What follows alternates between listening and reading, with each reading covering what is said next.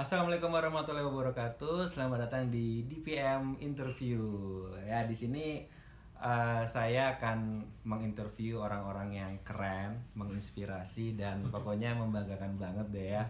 Jadi sayang-sayang dong kita ada channel YouTube dan ada kuota, ada HP tapi nggak dipakai buat hal-hal yang positif. Nah sekarang saya uh, masih di Hotel Jazz Luansa dalam event final Jambore TIK Kominfo 2017 dan sudah bersama saya ada Bro Fandi Dawenan. Halo Bro, apa kabar? Halo Bro Dimas, aku kabar baik. Kabar baik ya. Terima kasih udah diundang di sini. Oke, terima kasih kita di, sudah ada di vlog yang minimalis ini ya. Sip. Oke.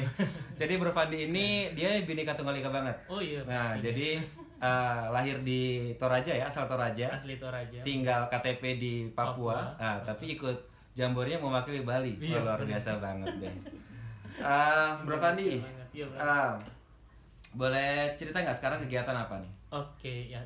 terima kasih sekali sekali sekali lagi terima kasih buat undangan Bro Dimas di sini. Oke. Jadi aku Nggak, nggak ada kartu undangannya kok. gitu. Aku di Papua domisilinya Hmm. eh, ngajar di salah satu sekolah di sana. Hmm. Eh, kebetulan dipercaya juga untuk pegang eh, lab untuk pem- pembuatan buku braille untuk tunanetra dan sebagai teknisi komputer di Oke. sana. Ngajar teman-teman tunanetra juga. Ya.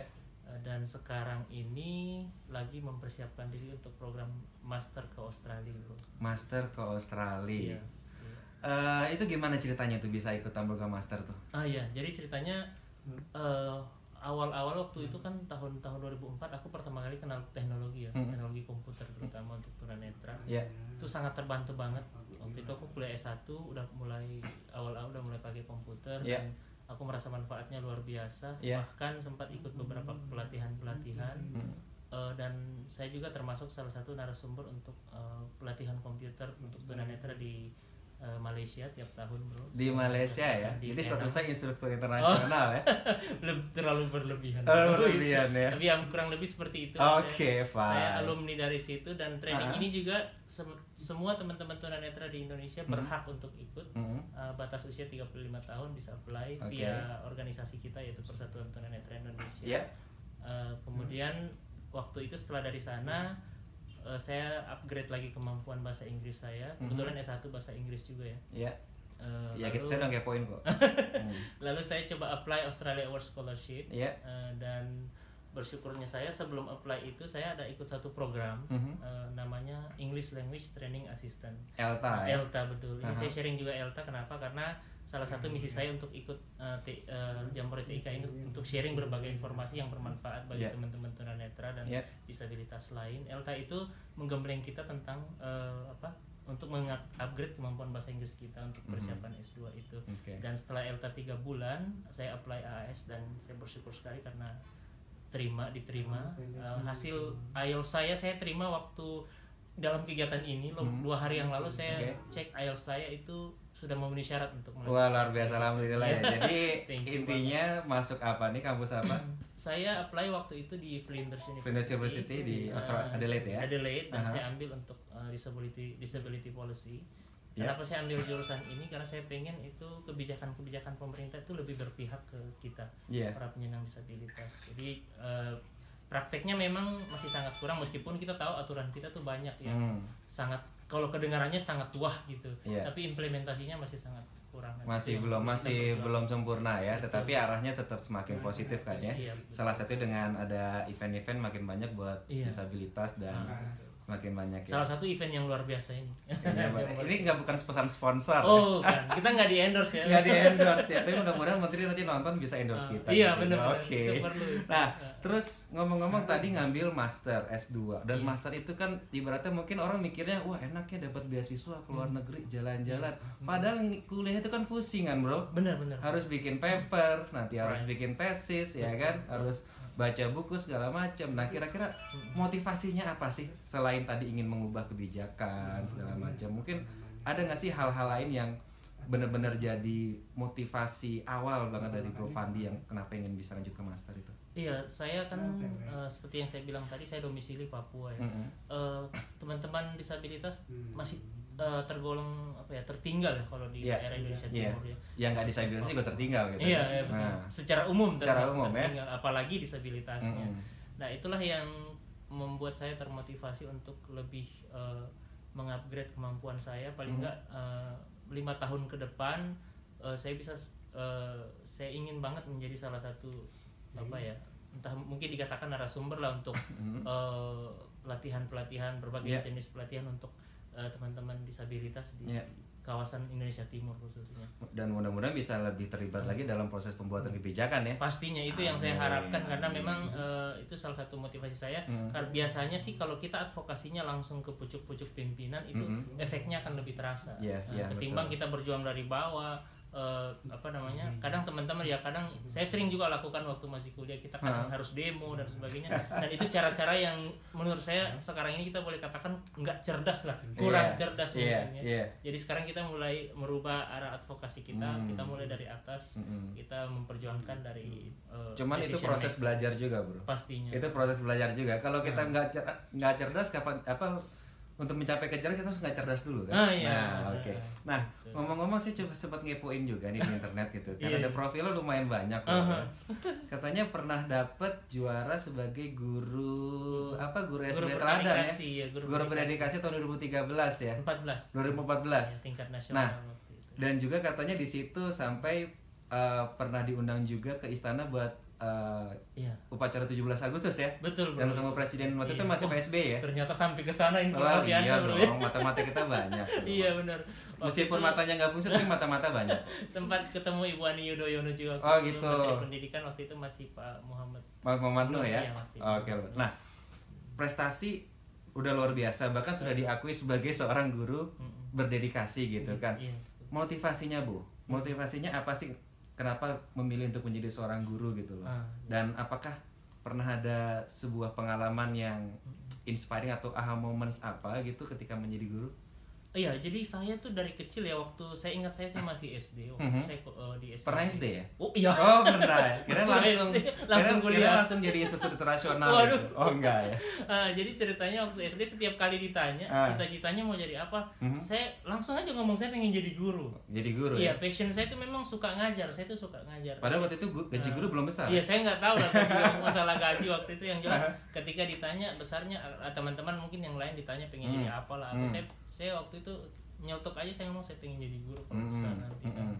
eh, saya menjalani itu sekarang dan iya betul bahwa eh, saya sangat termotivasi karena apa ya? Iya. Sharing is caring ketika sharing is caring eh, oke apa yang saya bagikan itu saya yakin bahwa itu nggak bakal sia-sia. hmm. Nah, jadi misalkan eh, pengalaman yang eh, berkesan itu ketika saya eh, di Makassar ya, ya eh, ada beberapa teman itu dia tunanetra dewasa bro, tunanetra Oke. baru itu mereka kayak kehilangan motivasi banget dalam hidup Depresi mereka. ya? Iya, depresi. Mhm. Ketika ketemu saya saya cerita seperti ini ada kemajuan teknologi dan Iya. sebagai macam sebagai apa sebagai apa namanya alat untuk membantu kita untuk Mhm. bisa kembali eh, ber menjalani kehidupan Iya. ini dan itu mereka akhirnya kembali lagi dan itu yang sangat berkesan buat saya jadi ah, kita bisa bermanfaat buat orang lain gitu loh meskipun se- sekecil apa pun itu Jadi semacam sebuah kenikmatan tersendiri Iya. ketika kita bisa menjadi bagian dari keberhasilan orang lain. Betul, ya? betul Oke, banget. keren banget.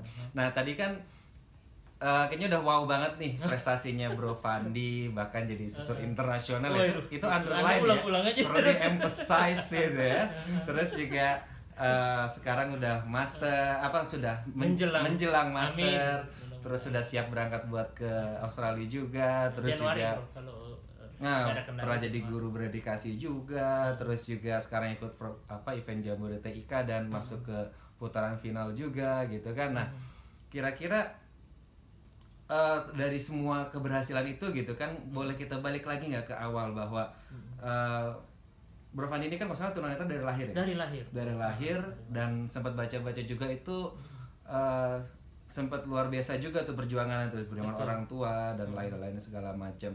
Nah, mungkin bagi orang-orang kan melihatnya bahwa eh, biasanya nih bahwa bisa berprestasi seperti ini nih biasanya wah pasti banyak support nih, pasti hidupnya enak nih segala macam gitu lah. Kira-kira bisa cerita nggak itu gimana sih kok dari kecil bisa berjuang sekolah segala macam dan bisa mencapai titik sekarang ini gitu. Yang paling ber- berperan dalam hidup Iya. Bro Fandi siapa sih ya yang paling mensupport itu? Iya, saya betul eh, Bung Dimas. Jadi apa yang eh, saya bisa apa jalani sekarang ini Mhm. bukan sesuatu yang semudah membalikan telapak tangan Iya, tentunya. kayak lagu ya. Jadi saya waktu usia sekolah itu Heeh. Orang tua saya itu sempat bingung juga Hmm, waktu itu karena waktu itu saya memang besar di Papua, Bro. Iya. Umur lima tahun saya udah ikut orang tua merantau ke Papua Mhm. dan waktu itu masih sangat terbatas sekolah untuk eh, penyandang disabilitas ya. Iya. Eh, dengan perjuangan orang tua saya akhirnya mereka berhasil menemukan SL, SDLB waktu itu. Hmm. Eh, saya waktu lahir kan memang kena katarak dan Iya. umur 10 bulan dioperasi. Mhm. Akhirnya sekarang low vision Iya. masih masih bisa menggunakan eh, sisa penglihatan. Mhm. Tapi tetap aja nggak bisa di sekolah umum waktu SD waktu itu. Belum bisa. ya? Belum ada sekolah Sistemnya belum inklusi, ada waktu belum itu ada. ya. Nah, Aha. Akhirnya saya ikut sekolah di SLB itu eh, tamat SD. Mhm.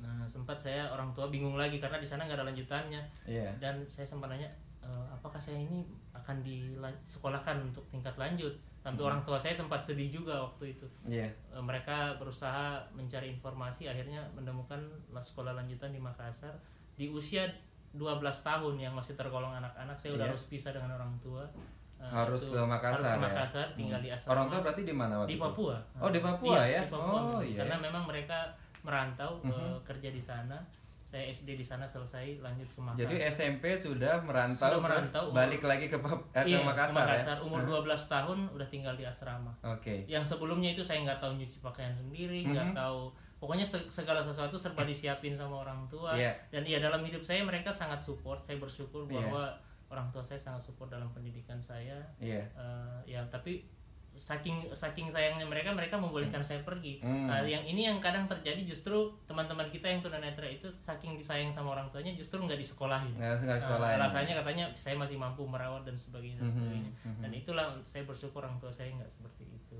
Berarti memang kalau orang itu mau sukses mau berhasil itu memang harus ditempa dulu ya. Hmm. Betul betul. Harus mengalami perjuangan yang Iya. sekian eh, luar biasa gitu Di ya. asrama itu kadang dibully, kadang di gimana nggak bisa Hmm. ngelapor ke orang tua karena orang bisa. tua jauh tapi ya. Tapi kita bisa ganti bully kan? Iya. bisa balas dendam angkatan bisa berikutnya. kita bisa balas bully lah ya. Enggak lah. Saling bully membully nggak masalah. Yang penting ikhlas. iya, kurang lebih begitu. lah. nggak boleh gitu lah ya. Oke. Eh, kemarin kan pas di Jogja tuh kan suara Bro Fandi juga luar biasa nih. ya. Aduh. Aduh, nanti Iya, juga akan tampil juga pasaran di lah gitu. final ya. Terus nyanyi lagu setia nih ya. Hmm. Itu kira-kira setia sama siapa tuh, Bro? Waduh, setia sama orang-orang yang tentunya berjasa dalam hidup kita. Eh, tapi udah berkeluarga belum? Belum. Belum. Tapi udah ada belum? Eh, mudah-mudahan lancar. Mudah-mudahan lancar. sesuatunya. Tipenya Bro Fandi seperti apa sih? Iya, nggak nggak neko-neko sih saya. Cukup Yang- perempuan aja ya? Pastinya Masih perempuan kan sukanya pastinya kan? Oke. meskipun sekarang di Australia udah dilegalkan kan Eh.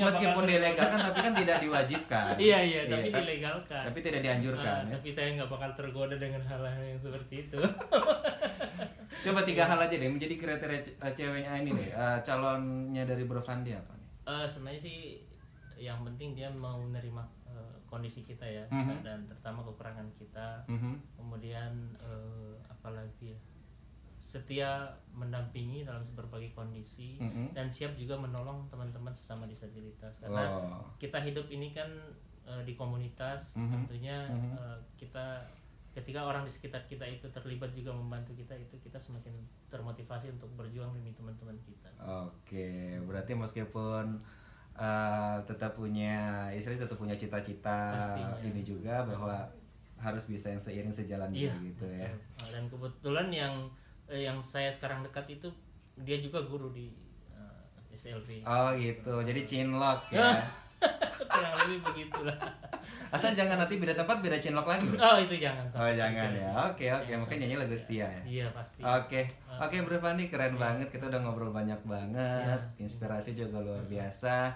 Ada ini nggak satu kalimat deh pesan buat mudah-mudahan ada yang nonton sih Ah, gitu benar, ya. pastinya kita positif, positif dan Iya, iya, iya. optimis pasti Pasti harus ya. Ah, kita sharing di Facebook Ada ada pesan nggak? Ada pesan nggak nih buat teman-teman nih? Eh, Eh, buat siapa pun yang nonton. Iya, buat yang menonton ya eh, kami penyandang disabilitas ketika eh, apa mampu mampu melakukan sesuatu, Mhm.